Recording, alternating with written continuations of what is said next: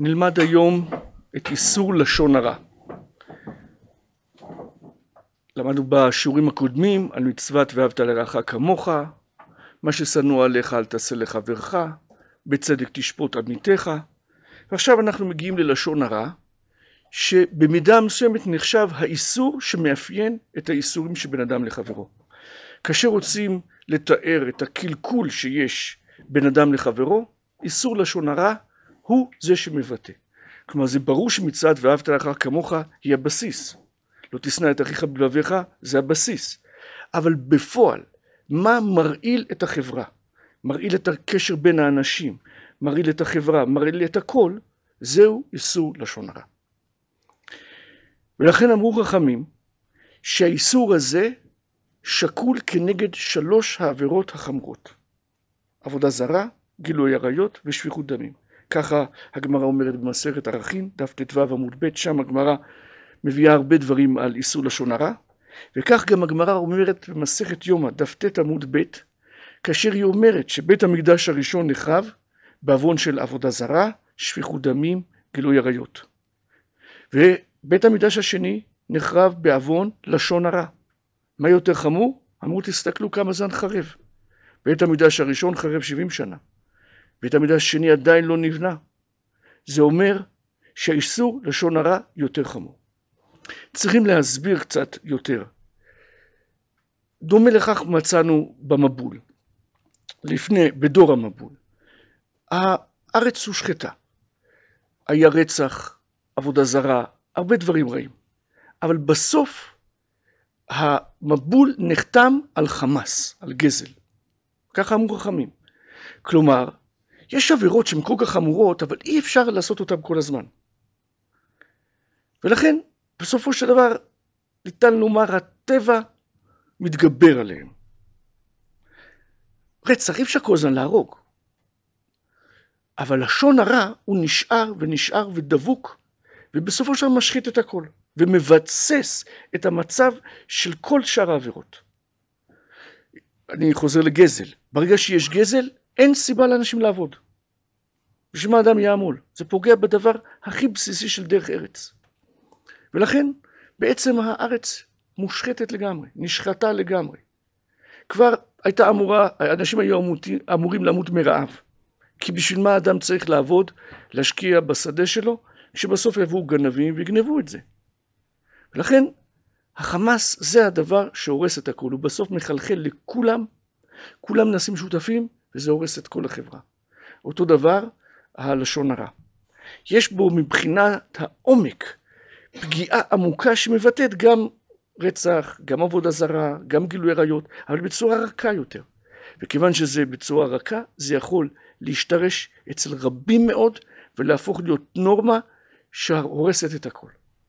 והאפשרות להשתקם מאוד קשה. זה, זה ניסיון אחד לומר. צריך גם כמובן להגיד, צריך, לפעמים לשון הרע הוא באמת גורם לכל הדברים הרעים. כלומר, לשון הרע, או למשל, כמו שאומרים חכמים, המלבין פני חברו ברבים, כאילו שופך דמים. באמת יש מצבים שאדם מלבין פני חברו ברבים, זה כמו שפיכות דמים. כלומר, לפעמים אדם מעליב, לא נעים, אדם חש הרגשה רעה אה, יום, יומיים, וזה עובר, לפעמים דקה. אבל לפעמים אדם בייש את חברו ברבים, ביוש כזה, שעד יום מותו זה לא, הוא לא יצא מזה. יכול שאם ישאלו אותו מה עדיף, הוא יעדיף למות. כלומר, זה ממש כמו שפיכות דמים. לפעמים לשון הרע הורס את חייו של האדם. אדם, אמרו עליו לשון הרע בנושא המשפחה, החריבו לו את המשפחה. לפעמים לשון הרע מחריב את הפרנסה שלו. כלומר, באמת זה יכול להגיע לרצח, להרס משפחה, אולי לעבודה זרה, להוציא אדם מישראל, שיעבוד בסוף עבודה זרה.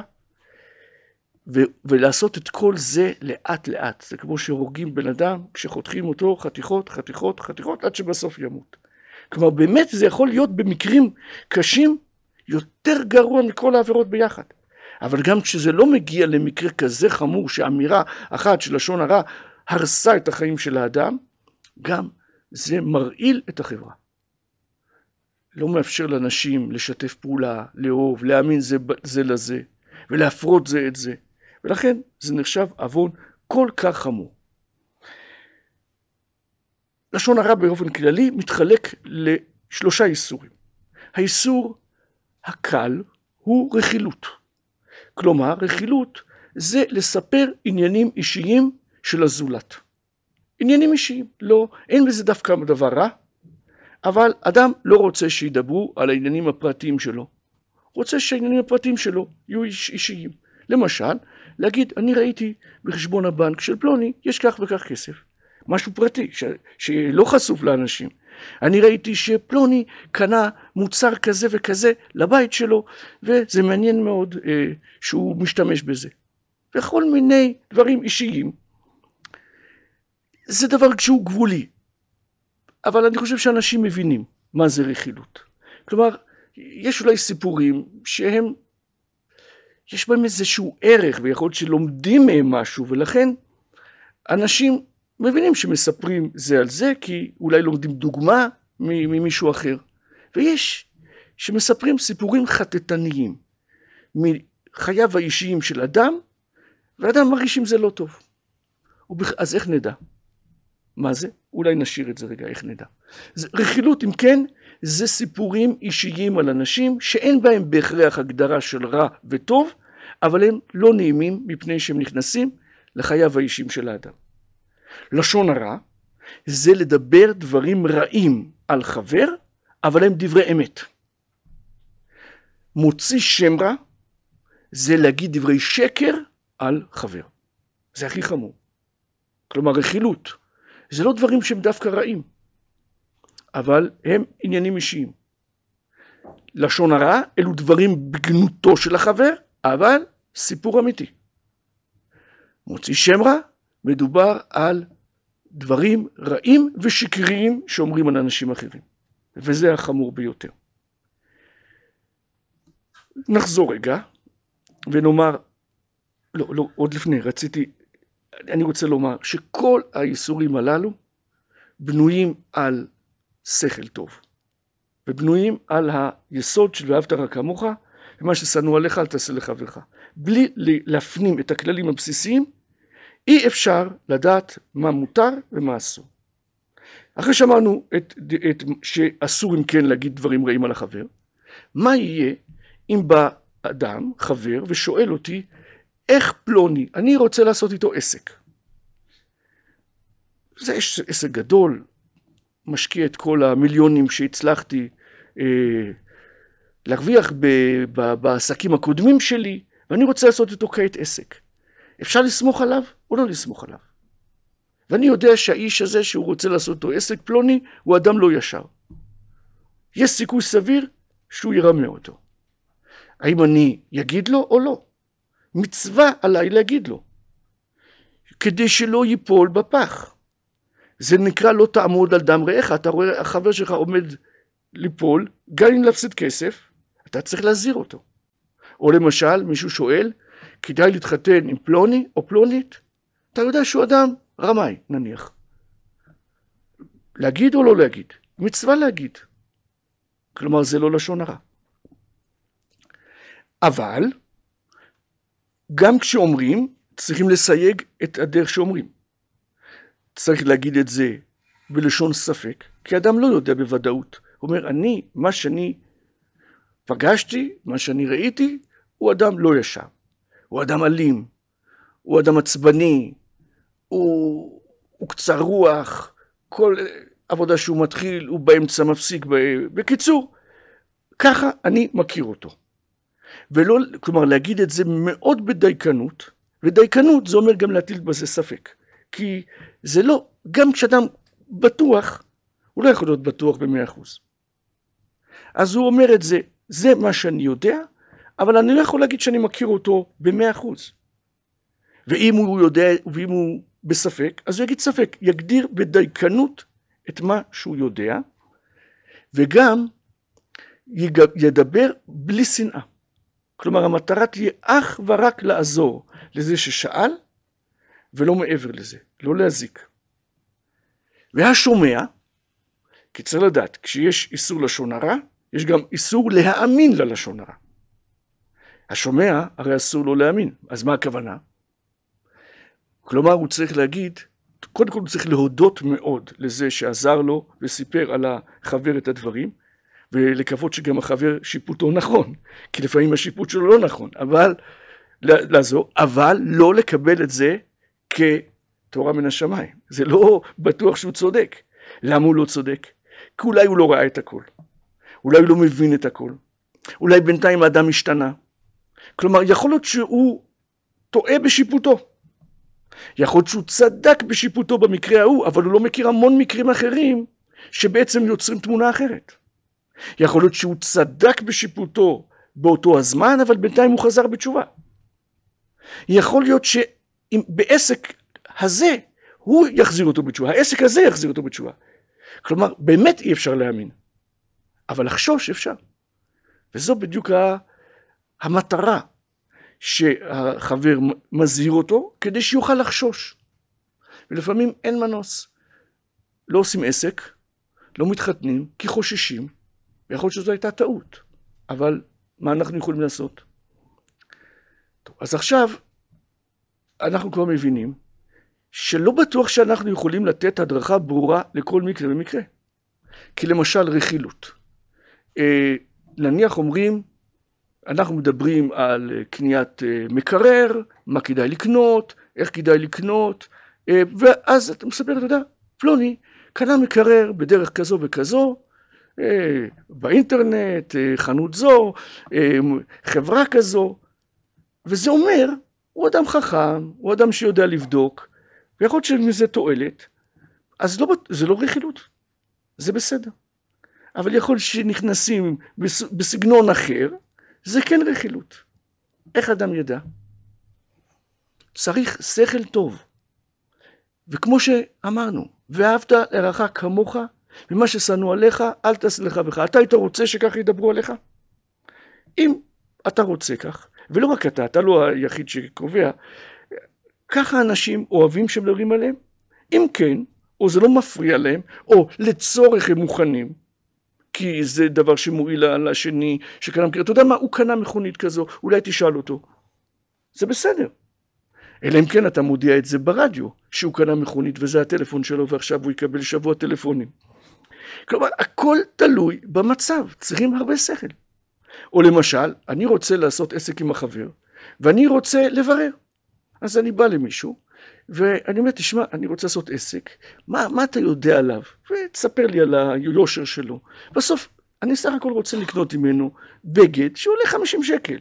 על בגד של 50 שקל, אתה שאלת לשאול כל, ה, כל המצב האישי והמוסרי שלו, אתה, אתה, אתה לא נורמלי.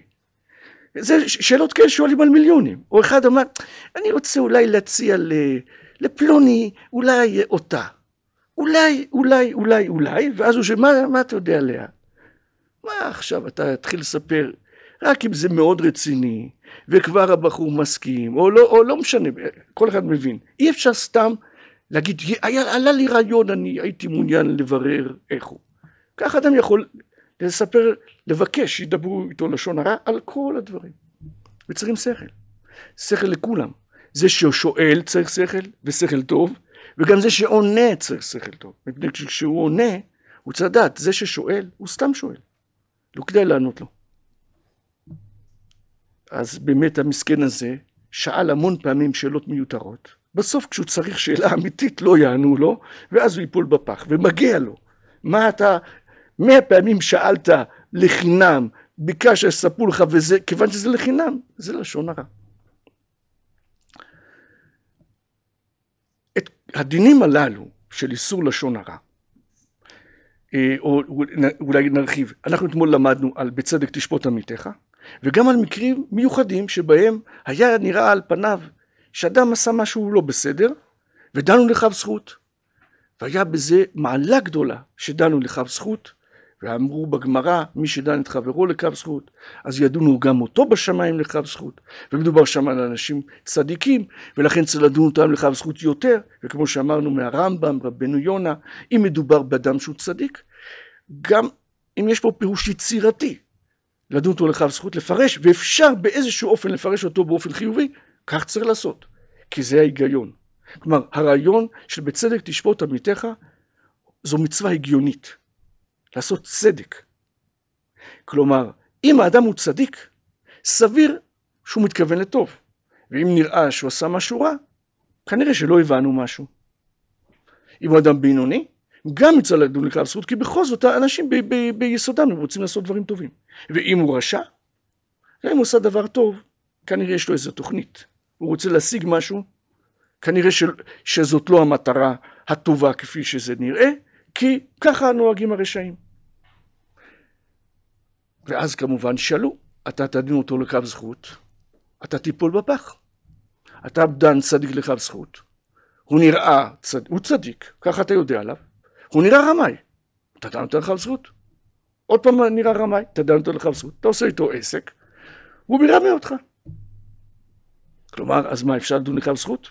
או מישהו מסוים אה, פוגע באנשים, הוא נראה אבל צדיק, הוא רב, אז uh, אתה תדון אותו לקו זכות, הוא יעשה את זה עוד פעם ועוד פעם, אז כלומר, בצדק תשפוט עמיתך, הוא גם לדון את האיש לקו זכות, אבל זה גם, גם, כמו שאמרנו, כמו ביסול לשון הרע, אסור לדבר לשון הרע, אבל גם צריך להציל את האנשים האחרים מפגיעה של, של הזולת.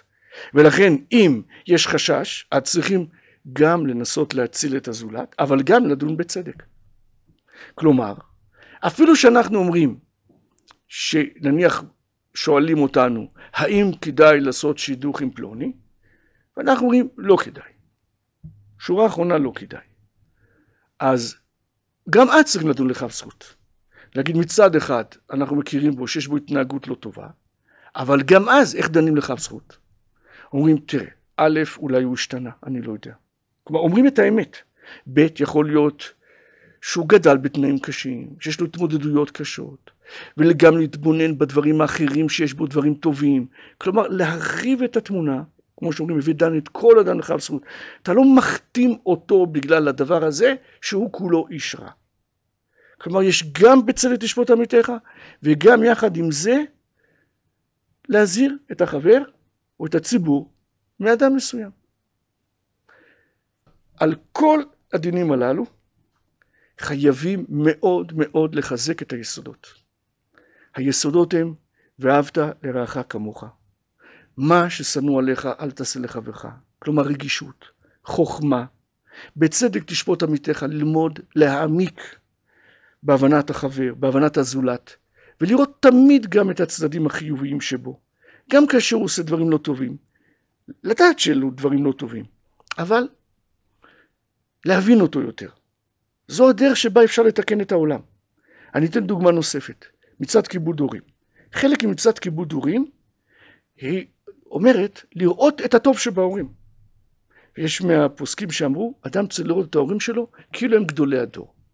כלומר, נגיד האבא חרוץ בעבודה, להגיד האבא, החריצות שלו, משהו שאין דומה לה.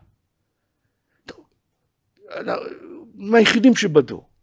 זה לא סביר שכל אחד, האבא שלו הוא מהיחידים שבדור, אבל זה גם אמיתי. מדוע?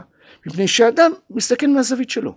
מהזווית שלו הוא רואה את האבא ואבא שלו הוא מהיחידים שבדור. האחרים, שאולי גם חרוצים, אבל החריצות שלהם רחוקה לו, דהויה בעיניו. הוא גדול הדור בחריצות שלו, וזה צודק שהוא ככה יסתכל עליו. הוא האיש שמבטא את החריצות בעבודה, בדור הזה. הוא באמת, הוא חרוץ מאוד וראוי להעריך. וככה להסתכל עליו כמו, באמת, מכונן החריצות. וזאת, וזה כיבוד הורים. אז אם אדם ככה מסתכל על ההורים, אז האבא יגיד לו, תשמע, אה, אל תדבר עם אה, הדודים האלה, כי הם בחתונה לא כיבדו אותנו מספיק, ואנחנו עכשיו כועסים עליהם, ואנחנו בחרם עליהם. אסור לו לשמוע לו. כלומר, כי, נכון, כבוד גדול לאבא, אבל יש מעלה לאבא, אבינו שבשמיים, שנתן לנו תורה, ומצוותו קודמת. אז ממילא, אם האבא או האמא אומרים לעשות משהו נגד התורה, צריך לעשות כתורה. כלומר, למרות שמכבדים מאוד את האבא והאמא, תמיד גם יודעים שיש מעל זה, צריך אדם להפעיל את השיפוט שלו ולהגיד, אני לא מאבד את השיפוט הנכון ואני יודע שעכשיו ההורים אמרו דבר לא נכון. הם אמרו לריב עם מישהו וזה לא צודק. כלומר, תמיד צריכים להפעיל שיפוט. לא זו בלבד. רבנו יונה אומר שהתוודו את עוונם ועוון אבותם. למה הוא צריך להתוודות על עוון האבות? הוא מסביר אם האדם, נגיד האבא שלו נוטה להימורים, הוא צריך להתוודות על, על ההימורים של האבא שלו. כי אם הוא לא ידע עד הסוף כמה אבא שלו לא בסדר, או למשל אבא שלו כעסן, צריך להתוודות על הכעס של אבא שלו. כי אם הוא לא יתוודה על הכעס של אבא שלו, הוא ימשיך בזה. הוא צריך לדעת שזה לא טוב, שצריך להתחרט על זה. ואז יש סיכוי שהוא לא ימשיך בדרכו. כלומר, מצד אחד כבוד, ומצד שני מודעות גם לחסרונות. אז איך אפשר שיהיה כבוד ומודעות לחסרונות? כי שוב, בצדק תשבות עמיתך. לאבא מתוח, יכול להיות שקשה לו בעבודה, יכול להיות שזה החינוך, לא זכה ללמוד בישיבה, אה, אה, לא יודע, אולי משהו פיזיולוגי, שיש לו איזה מזג גופני כזה שמביא אותו לעצבנות. כלומר, מצד אחד תמיד לראות את הדברים נכון, ומאידך גיסא לראות את הטוב שבאדם ולהדגיש אותו. זאת העבודה הגדולה שלנו. מורנו ורבנו הרב צבי יהודה מאוד מאוד העריך את הספר חפץ חיים, והיה אומר שללמוד בישיבה במרכז הרב כל יום חצי שעה חפץ חיים. וזה היה גזירה קשה, כלומר, שנה אחת בסדר, שנתיים, אבל זה מה שהיה כך צריך, וטוב, אז תלמידים מצאו סיבות לפעמים, לא כולם למדו כל הזמן, למרות שהריצו אותו, ו... אבל, אבל כולם למדו חפץ חיים ודאי כמה פעמים, כי כל כך דיבר על החשיבות. ויכול להיות גם שהוא ראה מסיפור של מרן הרב קוק, איך עם לשון הרע, לשון הרע, החריבו את הדור. כלומר, הרב, מרן הרב קוק גילה את עניינה של ארץ ישראל עם מלוא העומק התורני, ההשקפתי, כלומר גם מלוא העומק של, של הבנת התורה לאור מצוות יישוב הארץ. לו היו שומעים, לו היו מקבלים, מבינים את דברי הרב קוק במלוא, במלוא התוקף שלהם, כי הוא באמת היה גדול הדור, היו עולים לארץ מיליון, מיליון אנשים אולי, שני מיליון. והיו לומדים תורה בצורה של שונה, של תורת ארץ ישראל. היינו היום במצב אחר לחלוטין. הנה, אנחנו שואלים, למה לשון הרע שקול כנגד שלוש עבירות והחריב את בית המקדש? הנה, זה מקרה ממשי. ואיך אמרו עליו לשון הרע? הוא הולך עם הציונים, הוא מבין אותם יותר מדי, הוא רוצה כסף, הוא רוצה כבוד. בקיצור, כל מיני דברים. עד כדי כך שהיו אנשים שחשבו שהוא בלי זקן כי הוא מודרני, הוא הולך עם מכנסי חקי קצרים כי הוא חלוץ. כלומר, עד כדי כך היו לשון הרע שהאמינו שהוא אדם אחר לחלוטין. ולפעמים פגשו אותו רבנים ונדהמו, איש קדוש. כלומר היה לשון הרע. למשל הרבי מגור פגש אותו. אתה איש חכם מאוד, מכיר את העולם טוב. נדהם, מדובר איש קדוש. לא כמו שאמרו. מה היה אם לא היו אומרים לשון הרע? איזה מצב היינו? כמה היו ניצלים בשואה? איזה מדינה הייתה קמה? איפה היינו נמצאים היום? אי אפשר לתאר. אז הנה דוגמה למה לשון הרע, וכפי הנראה, אני כך מסביר, שזו הסיבה שהרב ציודה כל כך הדגיש את העניין שמצד, שהספר של חפץ חיים. אבל זה רצון שאנחנו נזכה להבין לעומק את מצוות איסור לשון הרע, על גבי יסודות שעליהם היא נשענת, זה ואהבת לך כמוך, מה ששנוא לך תעשה לחברך, ותיקון העולם, וממילא לקיים אותה בצורה הנפלאה.